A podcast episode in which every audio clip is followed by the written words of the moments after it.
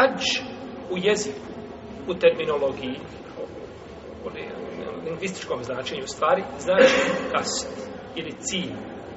Ili cilj. Dok u terminologiji islama znači posjeta Allahovoj kući. I znači mjestima koja su ciljana hađem radi obavljanja posebnog ibadeta koji se obavlja u određenom vremenu na određeni način. To je znači definicija hađa. Kada se neko pitao što je hađ, kažete to je posjeta Allahove kući i posjeta znači, mjestima u određeno vrijeme koji se, znači, uh, ibadet koji se obavlja na određeni način. Propis hađa hađ je fard. Fardu ajn. Znači, fard koji se odnosi na svakog čovjeka ponosom. I na ovaj fardijet ili ovu obavezu ukazuje Kur'an, sunnet i konsensus islamskih učenjaka iz prvih i potonjih generacija.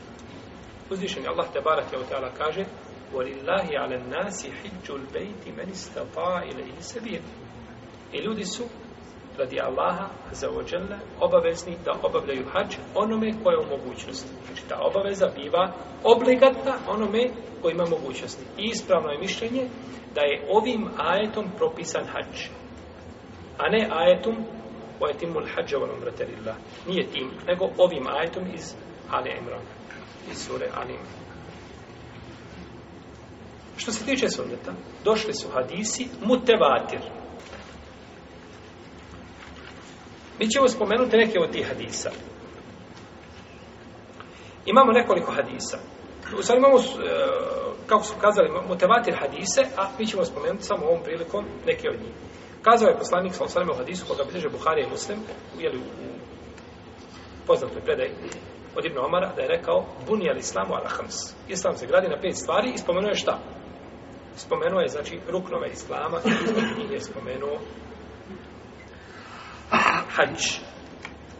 I došlo je u predaju od Ebu Hureyre, koji je zabilježio muslim u svome sahiju, da je poslanik sa osrame jednog dana rekao Ja i nas, inna Allahe kad farada alaikum un hađe fe huđu Allah vam je propisao hađ, obavljajte hađ. Pa je ustao čovjek koji nije spomenut u ovoj predaji, ali je spomenut u drugim verzijama hadisa, to je bio El Akra ibn Habis,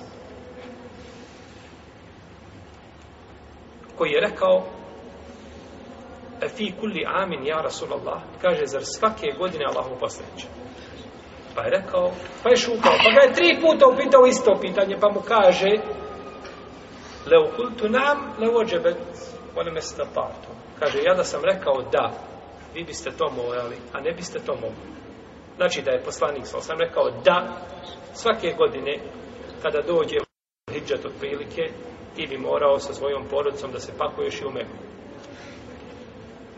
A to ne bi niko mogao izdržati. Ko može svake godine obavljati hađ, prvo materijalno, i druga stvar, kako obaviti hađ sa, na primjer, sada milijardu i nešto ovaj, miliona muslimana. To je nemoguće. To je nemoguće. Što se tiče konsensusa islamskih pravnika, svi su složni da je hađ obavezan osobi koja je u mogućnosti, znači da ga obavi jedan put u životu. I ovo spada, braćo, u temele vjere koje je čovjek koji porekne izlazi iz okvira islama. Znači, poreći obavezu hađa, a je nevjerstvo.